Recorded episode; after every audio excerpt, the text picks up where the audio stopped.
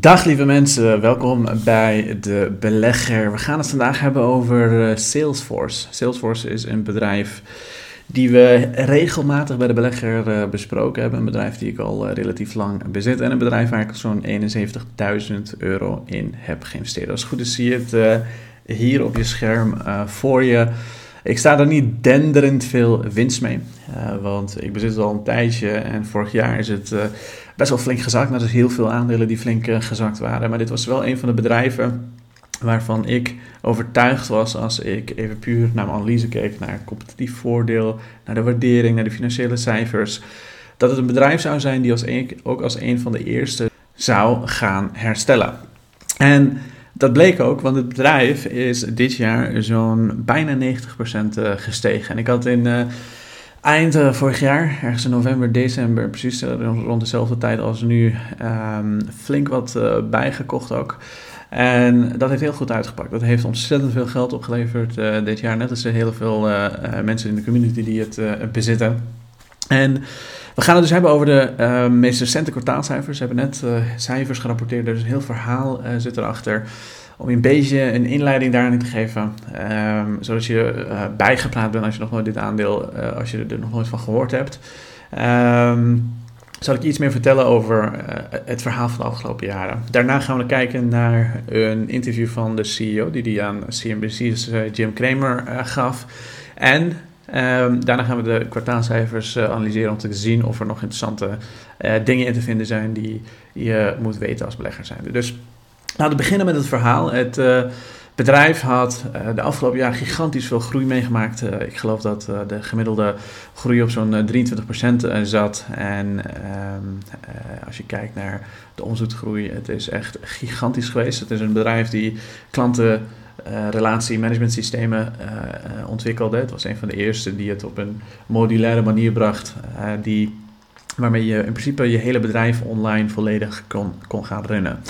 Dat is heel erg goed gegaan tijdens de COVID-pandemie. Ze hebben ontzettend veel mensen ook uh, aan, uh, aangenomen. Ook daarvoor ging het goed, maar vooral tijdens de COVID-pandemie ging het ontzettend sterk. En um, de afgelopen jaren zag je toch dat er heel veel beleggers waren, zeker met de gestegen rentes, die um, zich afvroegen of het bedrijf wel überhaupt ooit winst zou kunnen gaan maken. Dus gigantische winsten. iedereen wist dat het bedrijf, in ieder geval ik had zelf um, berekend hoe winstgevend het bedrijf daadwerkelijk zou kunnen, kunnen zijn onder um, erbarmelijke omstandigheden, laten we zeggen.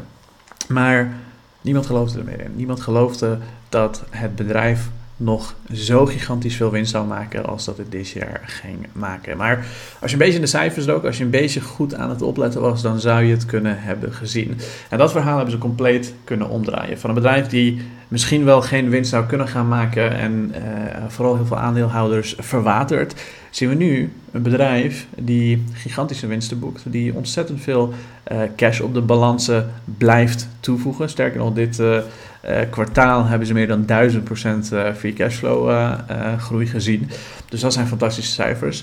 Maar laten we eerst even kijken naar wat de CEO ook te vertellen had. En misschien Even uh, één ding wat ik vergeten ben, is dat vorig jaar heel veel activistische aandeelhouders in het bedrijf gingen beleggen. Er zijn aandeelhouders die zien dat het bedrijf misschien niet op de manier wordt gemanaged zoals dat het zou moeten om heel veel winst te kunnen boeken.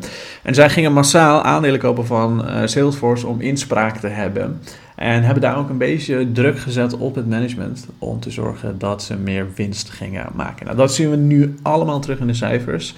En dat is fijn om te zien. Dat is ook wat de koers uiteindelijk uh, beweegt van een aandeel. Hoe meer winst een aandeel maakt en hoe goedkoop het gewaardeerd wordt, um, hoe meer de koersen zullen stijgen, heel simpel gezegd. Dus laten we even kijken naar wat de CEO allemaal te vertellen had bij CNBC. En daarna gaan we in de cijfers duiken. Well, Jim, you can see these numbers. These are monster numbers, and it's a monster year. It's been incredible at Salesforce, and the transformation has been one of the biggest I've ever seen in software.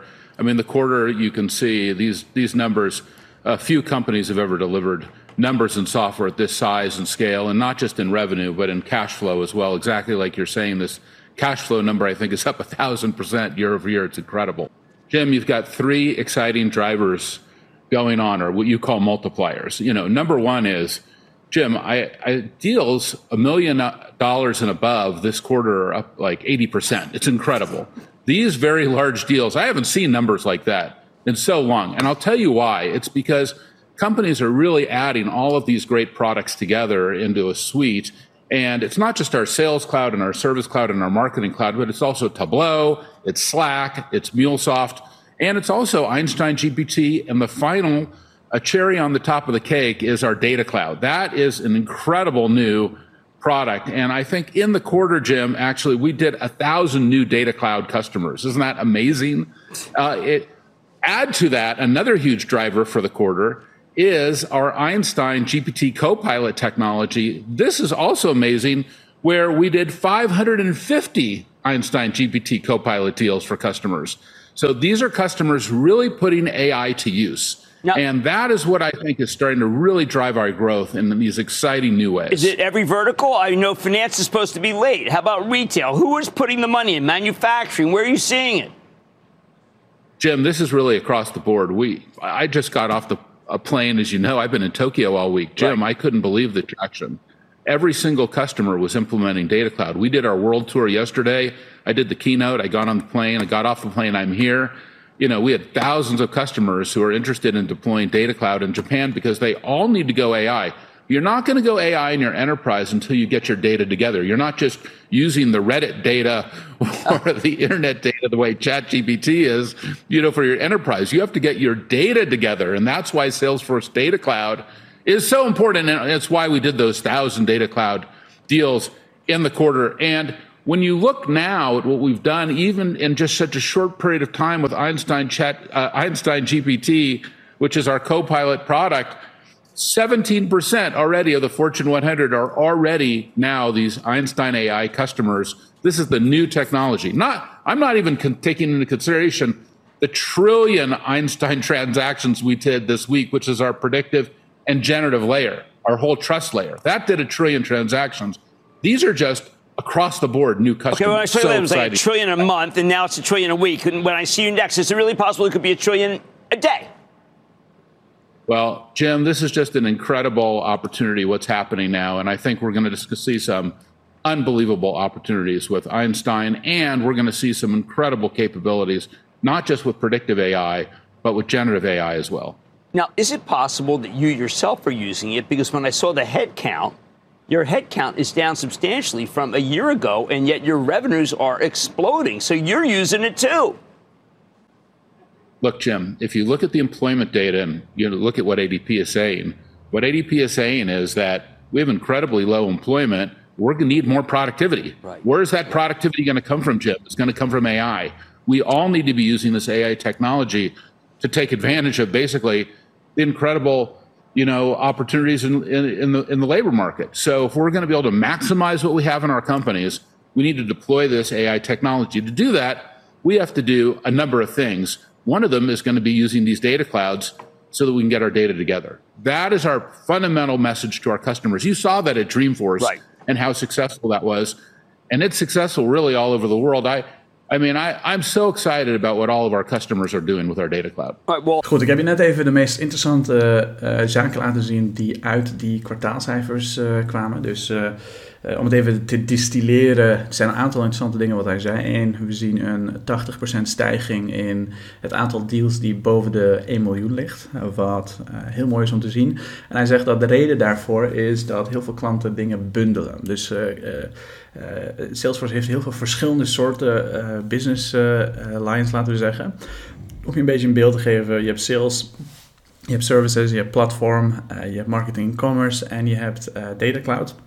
Data cloud is dit kwartaal zo'n 22% gegroeid. En de meeste klanten die bundelen vaak heel veel verschillende diensten van Salesforce. Zie je, daardoor zie je dat de deal sizes, oftewel het aantal de grootte van eh, de deals die de sales eh, teams van Salesforce sluiten, dat die een stuk hoger zijn dan waar ze nu waren. Dus 80% stijging in die uh, deals die boven de 1 miljoen liggen. We horen dat uh, AI een van de belangrijkste dingen die, is die de komende tijd interessant gaat worden. Zeker voor de toekomst van elk bedrijf.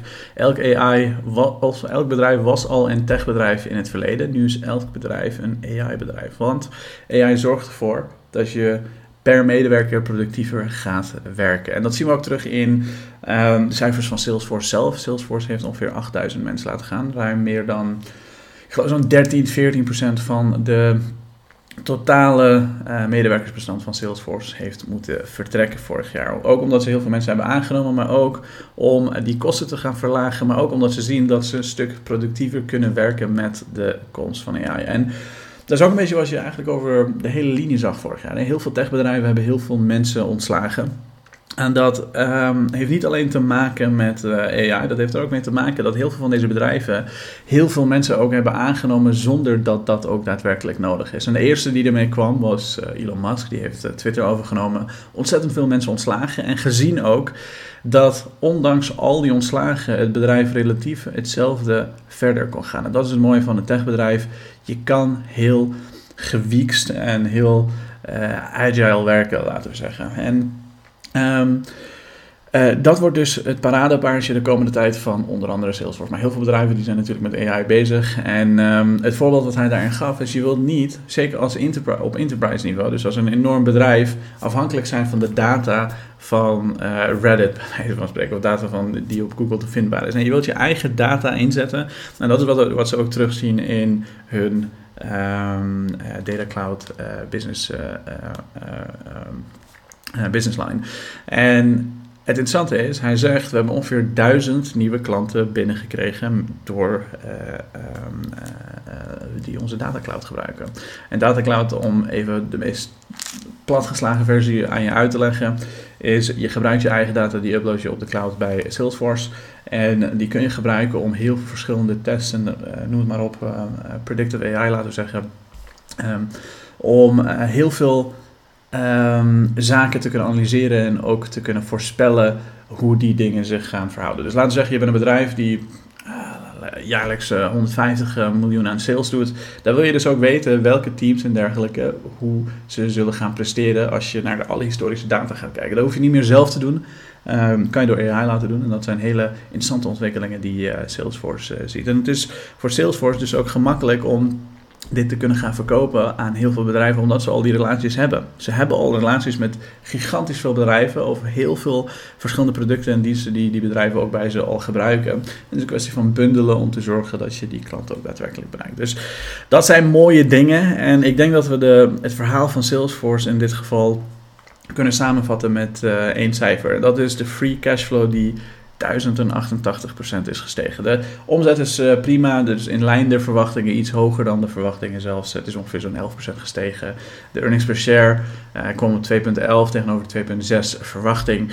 Dat is allemaal fantastisch. Het is niet denderend hoger dan uh, wat je had voorgesteld, maar de free cash flow, en uiteindelijk ook de netto winst werd op zo'n 600 miljoen of iets dergelijks verwacht. Dus 1,3 miljard geworden. En dat is precies wat je wil zien bij een bedrijf in deze fase. Je wilt zien dat die cashflows langzaamaan, uh, idealiter heel snel, maar langzaamaan gestaag omhoog zullen gaan. En dat is ook precies wat we zien bij Salesforce. Hè. We zien sinds 2019 dat de cashpositie van Salesforce nu op zo'n 12 miljard zit. Nou, dat zal na dit kwartaal op richting de 13 punt zoveel miljard zitten. En hopelijk de komende uh, kwartalen en komend jaar dat dat uh, uh, nog veel hoger zal zijn dan uh, waar die nu op staat. En dat maakt um, Salesforce op dit moment een bedrijf die in een fase zit waar ze niet meer gigantisch gefocust zijn op groei. Het hoeft niet meer 30, 40, 50 procent omzetgroei te zijn. Het is een cash cow geworden die de komende jaren zal blijven compounden en blijven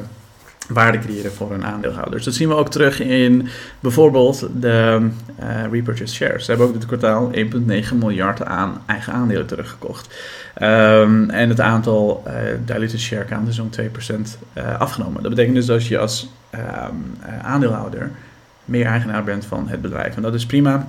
En dat is precies wat je wil zien de komende tijd. De komende 4, 5 jaar zou ik idealiter willen zien dat Salesforce een enorme cashpositie opbouwt, het aantal aandelen terugbrengt en dan weet je, we gaan de komende jaar heel veel geld verdienen met deze cash cow.